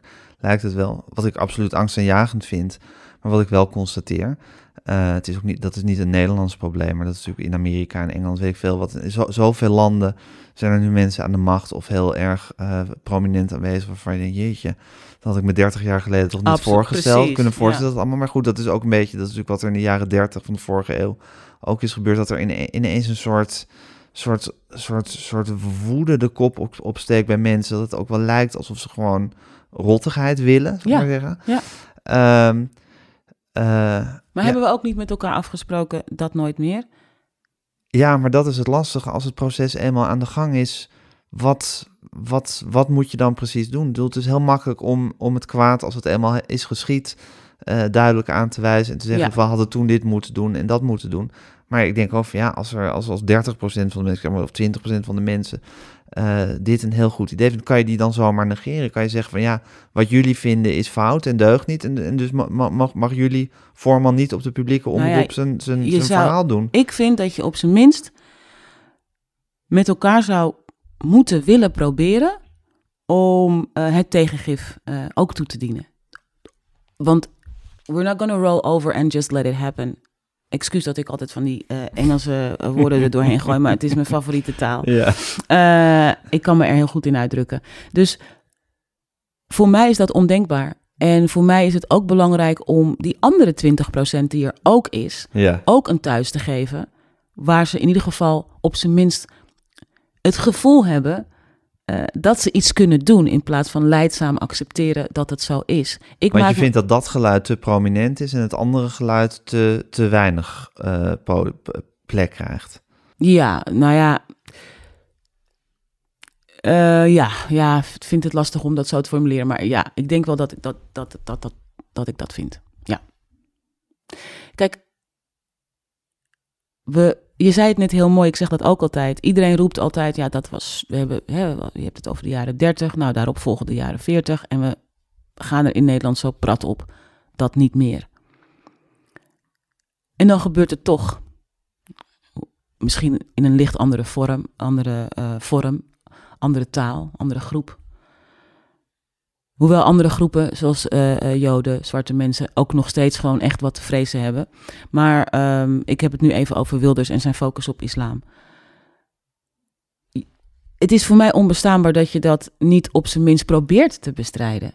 Want zoals het toen Joden waren, nu moslims zijn, straks worden het vrouwen. Ja, ja, ik vind bijvoorbeeld zelf, eh, eh, ik, ik, ik, ik, ik, walg van de, de moslimhaat van Geert Wilders. Ik walg ook van rabiate eh, moslims en, wat, en, en, en dingen die zij vinden en willen. Eh, het is, Zij ook zo, het is ook zo moeilijk om te detecteren waar eh, Nou, het gevaar precies zit. Het verschil is wel dat die rabiate eh, extreme moslims niet zo gefaciliteerd worden zoals Geert Wilders gefaciliteerd wordt. Met andere woorden, iedereen vindt dat nog steeds verschrikkelijk. Ook moslims. Ik ook, iedereen. Maar op het schild gehezen worden, ge- gefaciliteerd worden, natuurlijk via democratisch proces. Hoewel met een ondemocratische partij. Dat zijn voor mij heel veel vragen waarvan ik denk, oké, dat mag dus blijkbaar. Ehm, dat is natuurlijk wel waarom het zich wijdverbreidt en nor- normaliseert. Waarom mensen achterloos worden, gevoelloos worden. Door, die, door, door dit soort mantra's. Ehm, ik, ik, ik maak me daar gewoon echt Ja. zorgen over. Ja, en je vindt dat je er tegen in het geweer moet komen. Ja, De politiek vond je de beste plek voor mij. voor jou, voor jou om dat te doen. Ieder, iedereen vindt zijn eigen manier om zijn stem te laten horen. En dit, was, dit is voor jou de plek. Ehm, en heb je het gevoel dat, het, dat, je, dat je iets in beweging hebt gekregen? Zeker, absoluut.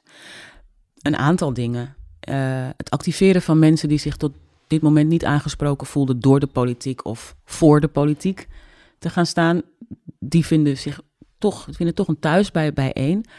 Het activeren van groepen mensen die al tientallen jaren in Nederland wonen, zich niet aangesproken voelen door de politiek en die mij dan appen of mailen. Ik heb al 30 jaar niet gestemd, maar nu ga ik wel stemmen. Uh, dat is heel belangrijk. Dus die maatschappelijke en politieke activatie van groepen. Die, uh, nou ja, goed, disenfranchised mm -hmm. hè, noemen ze dat uh, in het Engels. Dat is heel mooi, maar vooral het, het, het thuis en het gezien worden. Ik, hecht, ik word heel emotioneel van de getuigenissen van leden die zeggen: Dit is een plek waar ik veilig ben. En die veiligheid en het gebrek daaraan, dat is ook wat mij natuurlijk, wat mij het meeste raakte toen uh, de shit hit the fan na die, dat moment bij CIMAC ja. en zo. Dat ik dacht, damn, ik leef al mijn hele leven met onveiligheid. Omdat ik een vrouw ben. En na moet denken of het, of het wel verstandig is om op dit tijdstip over straat te gaan omdat ik een en of je op afstand van een man moet ingaan Precies, of niet. en omdat hoe je, carrière hoe je, misschien schaadt of niet. Nou, dat heb ik echt. of is dat nooit, is dat, nooit voorgekomen in je nooit leven? Oké, meegemaakt. dat lijkt mij altijd heel lastig. Nee, dat, dat, dat- kijk, eh, ik zeg wel eens, iedereen denkt dat als je het als vrouw een beetje maakt in de media, dat dat wel gebeurd is. Maar ik zeg altijd maar zo, volgens mij ben ik niemands type daar, want ik heb dat niet meegemaakt. Oh, perfect. ik, heb, eh, ik, heb, ik heb dat niet hoeven doen. Maar ehm, die onveiligheid die Ja. continu sluimerend aanwezig is... en dat mensen dat binnen de veiligheid van mijn partij los kunnen laten en kunnen ervaren... alles van mij mag hier zijn, Ja, dat is al een enorm cadeau. En dat is al een cadeau aan de duizenden leden van onze partij. ja precies. Dus je ziet alleen bij één op zichzelf al, dat, het kleine universum wat bijeen is, als, als de kleine utopie die je na zou streven. Ja, zeker. Ja, Ja, want, de- want deze plek is er dus nog nooit geweest in ons land voor deze mensen. En zijn dat- jullie ook lief voor elkaar? Dat is absoluut een, een bijna een voorwaarde. We, Ja? werden in Amsterdam. Hoe, hoe controleer je dat?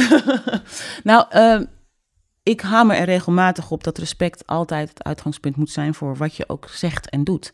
En dat ik vraag ook aan mijn leden en mijn, mijn, eh, de, de, de leden eh, op de kandidatenlijst, iedereen, leef bijeen, laat zien wie we zijn. Dat is heel belangrijk. We kunnen ons geen fouten veroorloven, want de, de- hè, de- daar zit iedereen op te wachten.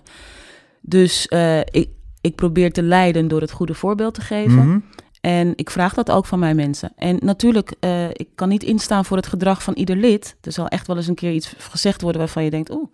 eh, of er zal echt, hè, maar dat is wel het uitgangspunt. Dat we, dat, we, dat we elkaar geen pijn doen. Dat is ook politiek ons uitgangspunt. Daarom is, ons, eh, is onze focus ook op gelijkwaardigheid. Dat betekent niet dat we alleen maar goede dingen willen voor mensen die op mij lijken, of die transpersoon zijn, of die LGBTQI zijn. We willen dat voor iedereen. Ja. Ehm, we hebben net die, die eh, toestand gehad met, dat, met die bundel van Amanda Gorman... die vertaald zou worden door Marieke Lucas Rijneveld. Wat natuurlijk eigenlijk een, een eh, feitelijk gezien een kleine affaire is... maar ook weer heel interessant als casus, als voorbeeld. Ehm, ik kan me voorstellen, ik heb, ik, heb, ik heb jouw Twitter daarover ook wel gevolgd... dat je, dat je erachter staat dat er kritiek... dat je ook kritiek had op het feit dat zij die vertaling ging doen. En dat- neem aan dat je het dan eh toejuicht dat ze zich heeft, eh, heeft teruggetrokken. Tegelijkertijd moet je dat ook onprettig vinden, dat het op zo'n manier moet. Ja, ik, heb er, ik ben eigenlijk wel benieuwd wat je bent tegengekomen, want ik heb er voor mijn gevoel niks over gezegd op Twitter. Nou, er was zo'n zo'n tweet van, ik weet niet meer, niet, niet, niet meer van wie, die zei van, eh, is het salty van mij dat ik het raar vind dat zij dat vertaalt? En toen had jij geloof ik teruggetwitterd van, eh it isn't salty when it's salty. Weet ik veel dat je, dat je bijna van, ja, hoor eens even, Eh, dit, dit, Ja. dit is aan de hand, Ja, dus eh, ja. dat is helemaal niet raar om daar een punt van te maken. Nou, wat, wat, wat, ik, wat ik zelf heb ervaren toen ik dat gedicht live voorgedragen zag worden. Ik voelde me gezien, gehoord, vertegenwoordigd vanuit mijn zwartheid. Het was niet, het was niet, ze, ze was niet per ongeluk toevallig zwart.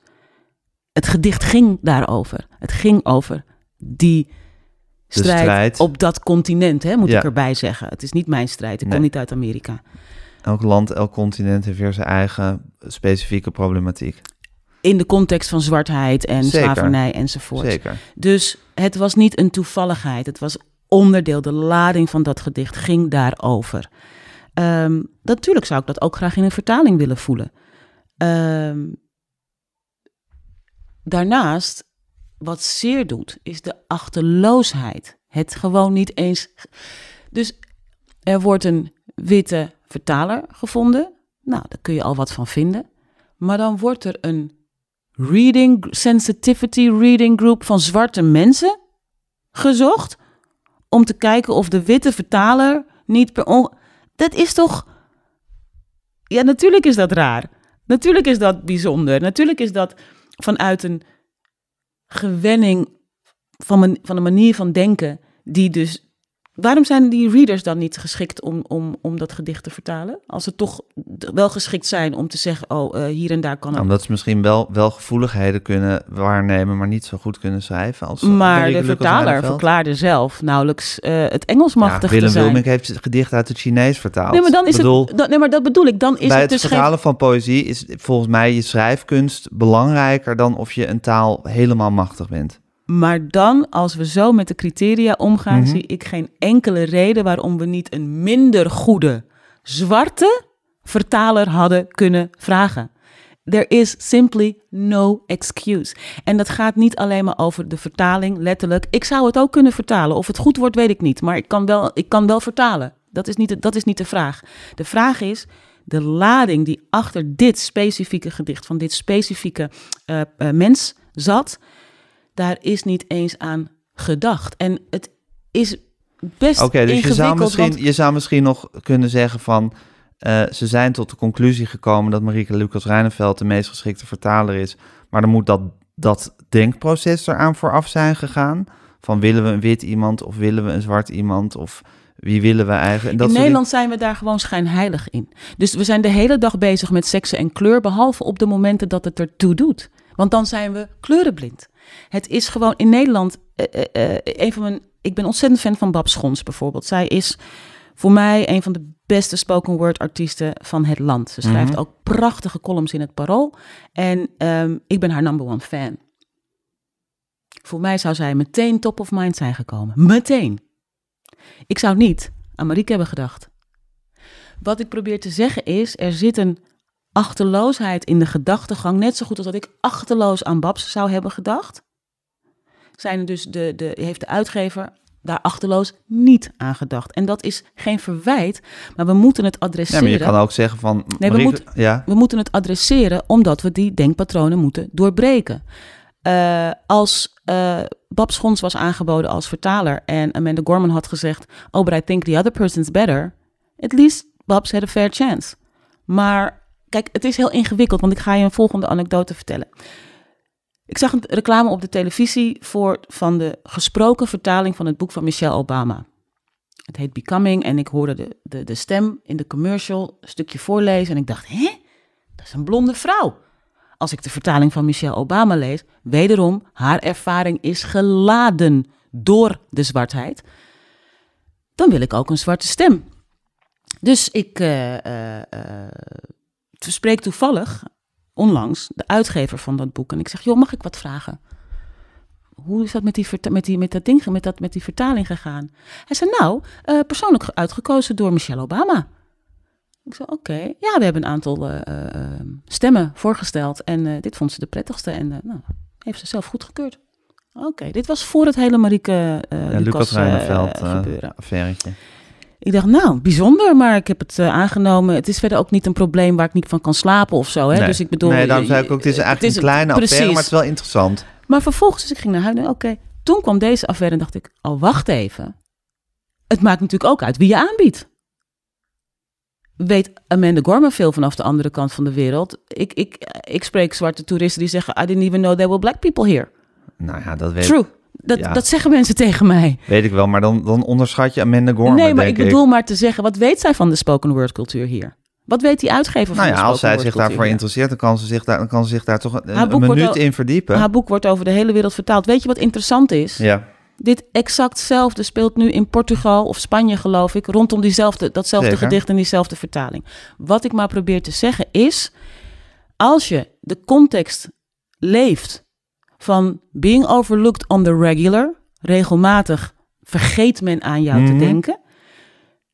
Je knokt en worstelt desondanks eh, jezelf een weg naar eh, het podium waar je wel gezien wordt.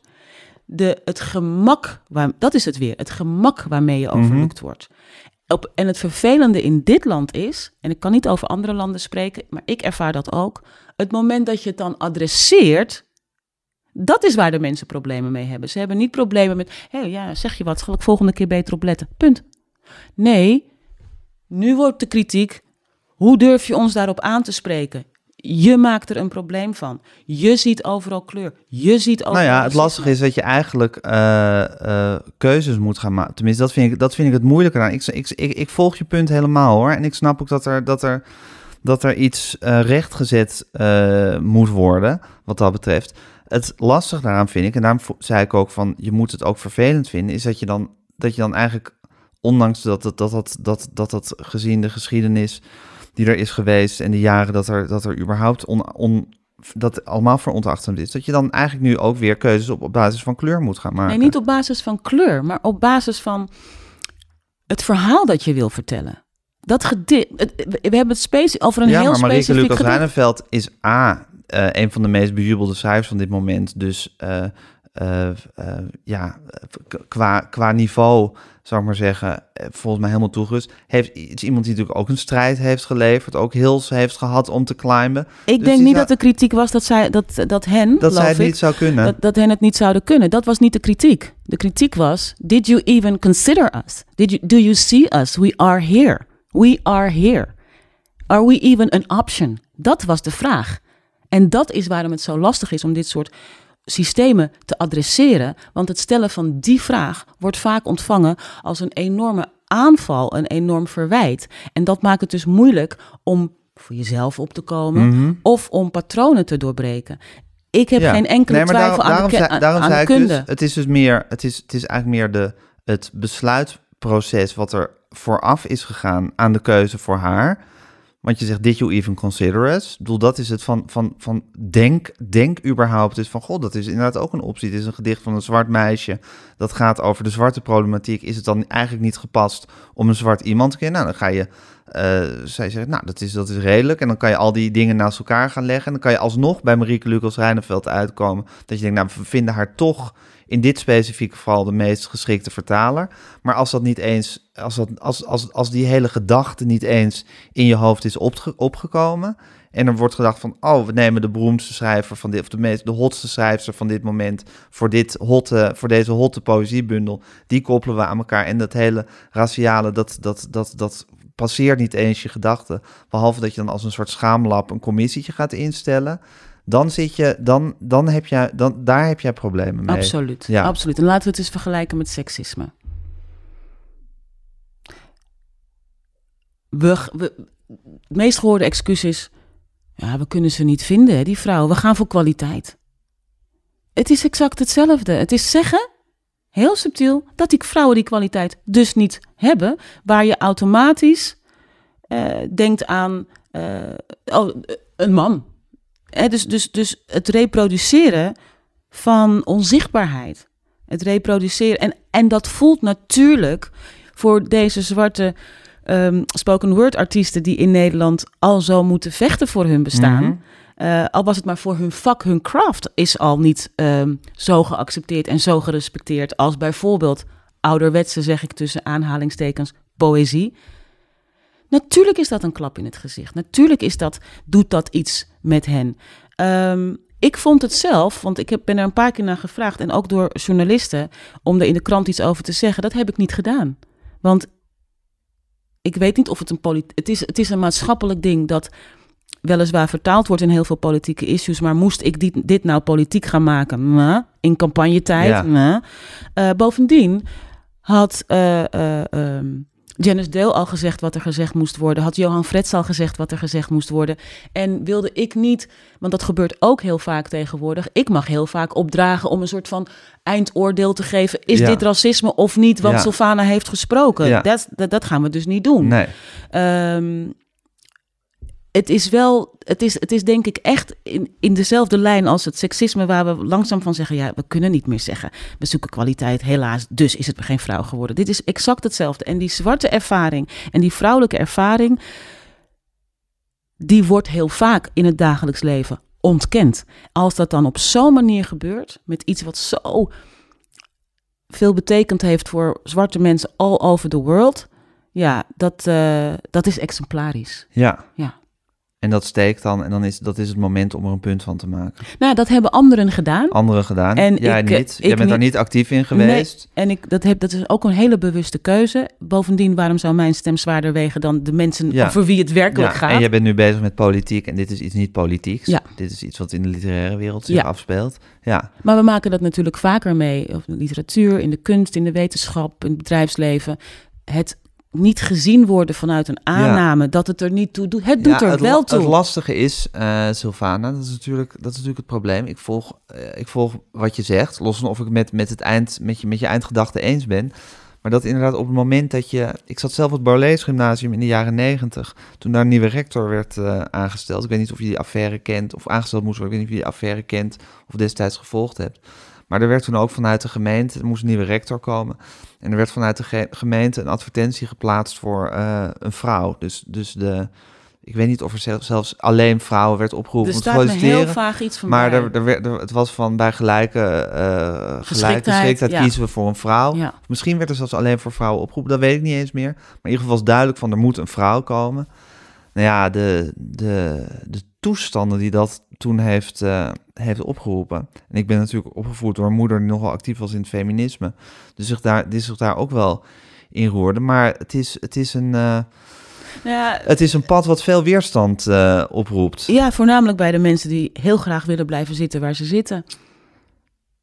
Zeker. Ja, en, en ik sprak laatst een... Maar ja, wie wil niet blijven zitten waar die zit? nou, Ja, weet je, ik zeg dat is altijd ook, tegen... weer- ook weer een soort menselijke Nou, overleving. weet ik niet, want ik zeg altijd tegen mensen... ik heb een koopwoning en we moeten echt met z'n allen van de hypotheekrenteaftrek af.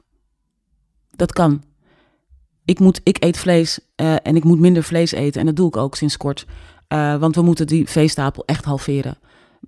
Wat, wat, wat, wat, wat- en misschien heeft dat te maken met mijn achtergrond. Maar eh, offers brengen hoort inderdaad bij het leven. En als we het eh, met elkaar goed willen hebben... dan moeten we allemaal op onze eigen manier hier en daar een offer brengen.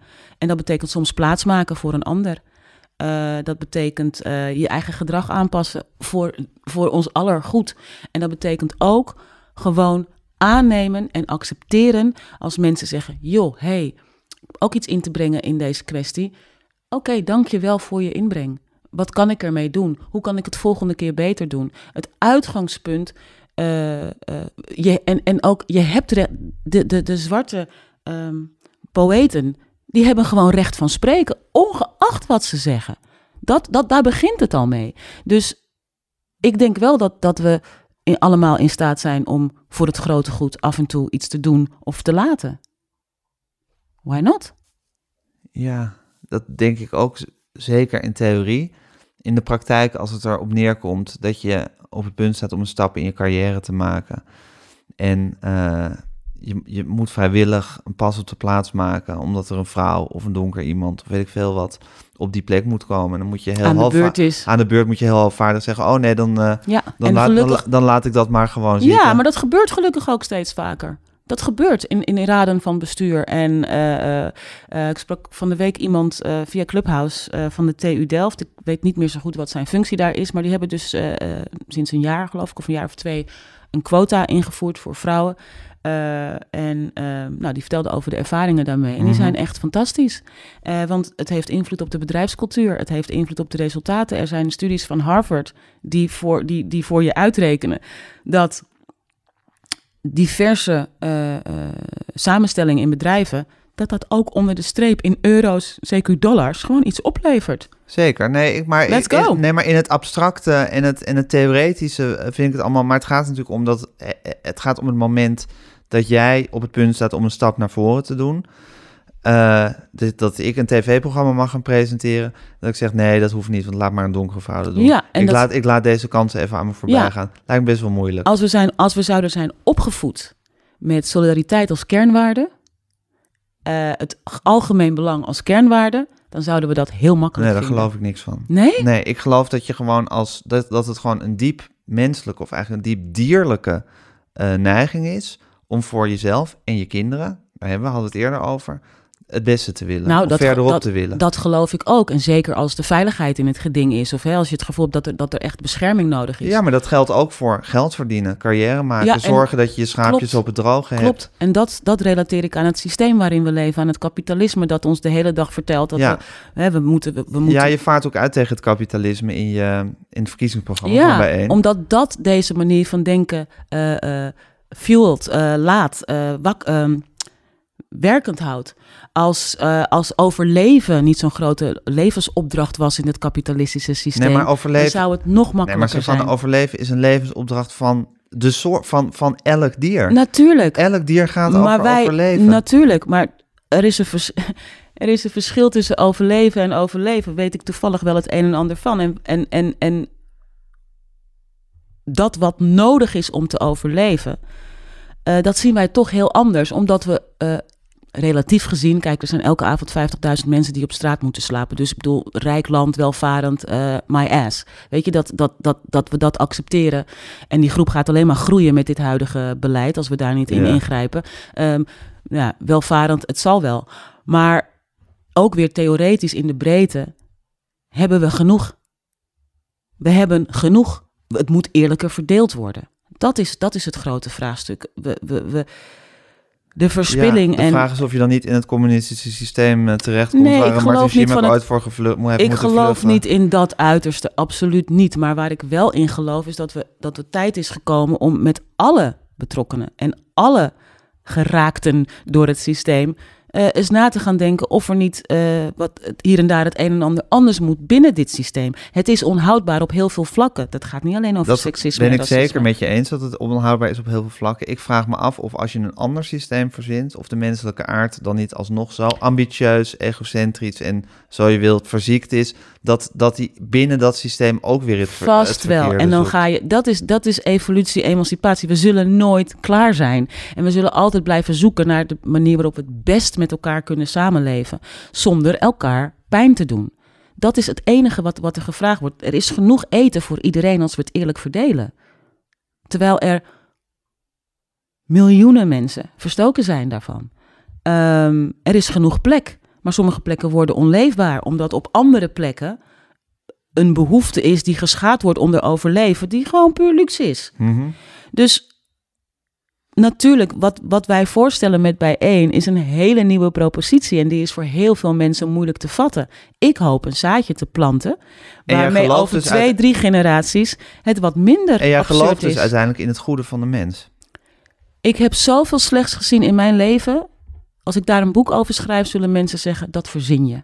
En ja, ik geloof in het goede van de mens, omdat de mens ten diepste zelf daar behoefte aan heeft en zelf daardoor gedreven wordt. Uiteindelijk is alles wat wij doen omdat we daar iets voor terugkrijgen. Dat is het menselijke waar jij het over hebt. En omdat je altijd zelf wil overleven. En, En omdat je, je- kinderen. En je kinderen Ja. en je wil beschermen wat je hebt. En Mhm. je wil ook nog accumuleren. Dus je wil dat huis beschermen wat je Mhm. hebt, maar je wil ook nog een vakantiehuisje. Mhm. Hè? Want dat is gewoon Ja, je wil ook verzamelen. precies. Ja. Eh, en als je iets hebt, dan is het gevoel van, van achievement verzadigd. En dan moet er aan iets nieuws Ja. gezocht worden. Ook dat is mij niet vreemd. Ik ben een heel ambitieus mens. Ik, dat, daardoor word ik gedreven. Ehm, en ik hou van mooie eh, kleding bijvoorbeeld. Ja. Ik ben overigens geen shopper. Dat is heel grappig. Mensen denken dat ik elke week of elke maand heel veel geld uitgeef aan kleding. Ik heb vaak leuke dingen aan en dan zeg, moet ik uitleggen, dat heb ik al twaalf jaar hangen, weet je wel? Dus ik ben niet geen... Maar goed, je erkent deze drang van de mens. Precies. Eh, Iedereen individueel, iedereen heeft dat individueel. bijna, ja. Maar tegelijkertijd vinden we het heel fijn om liefde te ontvangen, om zorg te ontvangen. Eh, en als we zouden weten dat we die makkelijker krijgen door eerst te geven en dat niet eng te vinden, omdat we met elkaar van. Neem Nieuw-Zeeland en de, en de coronapandemie. Daar, gaat, dat, dat, daar is een hele stevige lockdown geweest. Allemaal hele heftige maatregelen, grenzen dicht. En het land was vrij snel weer nou, een vrije samenleving, want ze hadden het overwonnen. Dan komt er af en toe toch nog steekt er een gevalletje de kop op. Dan gaat, omdat in dorp X aan die kant van het land eh, een geval eh, gedetecteerd is, dan gaat ongeveer de helft van het land twee dagen op slot tot ze ge- ge- getraceerd hebben, tot ze contactonderzoek gedaan hebben. En daarna gaat iedereen weer vrolijk verder, zonder morren. Hè? Natuurlijk vindt niet elke Nieuw-Zeelander dat leuk, maar eventjes in het algemeen. Omdat er door de overheid een oprecht beroep is gedaan en ook gefaciliteerd wordt dat je solidair kunt zijn met elkaar. Dat is een totaal ander uitgang. In Nederland is het beleid totaal enkel en alleen economisch vormgegeven. Totaal op beroepsgroepen Mhm. en, en, en op de economie. Nou, de gevolgen zijn desastreus voor exact die beroepsgroepen. Nee, eh Sylvana, kijk, ik wil helemaal niet betogen dat het in Nederland allemaal perfect is geregeld. Het tegendeel. Dus er is heel veel te veranderen. Alleen ik denk, waar, waarin wij verschillen, is dat jij toch gelooft dat er een samenleving vorm te geven is, waarin, zal ik zeggen, het goede van de mens prevaleert en waarin we in, in gelijkheid en eerlijkheid met elkaar kunnen Ja. leven. En daarom ben jij misschien politicus en dan moet je toch ook idealist zijn. En ben ik gewoon Cynische- cynicus. Ja, en ik, Ja. ik weet je, ik ben heus niet naïef en eh, ik ben heus niet van het kumbaya. Dat, dat, dat, dat weet iedereen ook die naar mij luistert en die onze politiek volgt. Ik ben echt niet van, eh, nou laten we elkaar allemaal een handje geven en dan is het goed. En ik heb ook heel veel reden om cynisch te zijn vanuit mijn eigen persoonlijke ervaringen en zeker vanuit mijn ervaringen de laatste jaren in de politiek. Maar ik durf er wel voor te gaan staan. Ik durf er wel over te dromen. Ik durf wel pogingen te doen om dat vorm te geven. En ik durf wel eh, de mensen die ik bereik te laden met in ieder geval dat uitgangspunt vanuit jezelf. En nogmaals, we zijn geen kumbaya part. Iedereen weet het. We zijn keihard als het moet. We, we benoemen zaken op een manier die niet iedereen prettig vindt. En ik loop nergens voor weg. Eh, ik heb echt nu al heftige dingen meegemaakt in de politiek. En dat zal in Den Haag niet anders zijn. Als je ons programma leest, dan denk ik dat je idealisme leest, geen naïviteit, moed leest, ehm, geen bravoure en ehm, een, echt letterlijk een propositie, een voorstel. En Laten we het zo proberen. Laten we het nou, en, en, en de helft daarvan is, laten we het in vredesnaam zo doen, want we hebben geen keuze, zeker als het over zaken als wonen gaat, Mhm. milieu gaat, Mhm. dan staat, heel veel, staat ons allen het water aan de lippen. Ehm, en ik vergelijk ons in dat opzicht vaak met de dieren, de Partij voor de Dieren. Eh, ook ik dacht in het begin, huh, wat de Partij voor de Dieren? Eh, en de Partij voor de Dieren is een van de belangrijkste partijen op dit moment in dit land. Ik leer van hen. Ik kijk ook af en toe wat van ze af. En ik hoop ook met hen eh, samen te gaan werken aan het vormgeven van die planeet. Want weet je, ik ben bijvoorbeeld, ik heb een verslaving, ik ben verslaafd aan suiker. Ik ben ervan overtuigd dat als mijn arts morgen zegt, nog één kopje met eh, drie klontjes Ja. en het is gedaan. Ik moest bij de koffieautomaat moest ik me op de maximale suiker Ja. eh, zetten ja, jou. ja, dat is echt. En toen vroeg je nog heel angstig, zit er wel Ja, suiker in voordat toen je ging ja. drinken? het is echt mijn number one addiction. Maar als ik morgen moet stoppen, kan ik dat toch? En vlees idem dito, En vlees idem dito. Ik Ja. eet nu al, ik denk dat ik al 60% minder vlees eet. maar toch. Maar toch. Ja. Ehm, en ik vind het ook ingewikkeld en ik wil er ook eerlijk over zijn. Want ik vind echt dat we afscheid moeten nemen van die, eh, van die industrie. Dus weet je, laat er ook ruimte zijn voor menselijkheid. Laat er ook ruimte zijn voor twijfel. Eh, stel vragen waar misschien Ja. niet een antwoord op komt, maar wat wel aanzet tot nadenken over een antwoord. Maar je bent een meisje van de straat. Ja. Je hebt veel shit over je heen gehad de afgelopen jaren. Dat heb ik ook kunnen volgen en dat was echt pittig. Dus respect dat je gewoon bent blijven staan en hier nog steeds stralend zit. Eh, eh, je, hebt, eh, je, hebt, je hebt je portie racisme en seksisme ongetwijfeld ook over je heen gehad in je leven. Ja. En ondanks alles geloof je in het goede van de mens. Ja, dat, Ja. Is, dat is fantastisch. Weet je, Dat siert je, Sylvana. Dat meen ik serieus. Nou, dankjewel, dankjewel. Dat, ik de, ja, dankjewel. Ik denk dat het een van de dingen is die ik van huis heb meegekregen. Als ik vroeger over iemand zei dat hij dom was, dan zei mijn moeder, niemand is dom. Mensen kunnen onwetend zijn. Ga, ga, ga, ga wijsheid brengen. Eh, is ook iemands kind, zei ze dan. Je kan niet zo over andermans kind praten. Die persoon heeft ook een moeder. En eh, zoals ik van de week tegen iemand zei, je kunt de grootste racist zijn en toch heel, veel, heel goed voor je poesen zorgen. Die politici hebben we ook. Dus ik eh, vind het een opdracht aan mezelf om niet te verbitteren. Dan, dat, dat zou pas, dat is pas het gevaar van al die narigheid en negativiteit. Mhm. Ook die vanuit de politiek op ons afgestort wordt. Dat we allemaal koud en hard en kil en bang door het leven gaan. Ik kan het me niet veroorloven. Ik moet lachen, elke dag. Ik moet dansen, ik moet zingen. eh, ik moet eh, eh, liefde voelen, liefde geven. Ehm, dat is wat ons menselijk houdt, denk ik. Ja, eh, ik heb laatste woorden gehoord, Sylvana. Beter wordt het niet.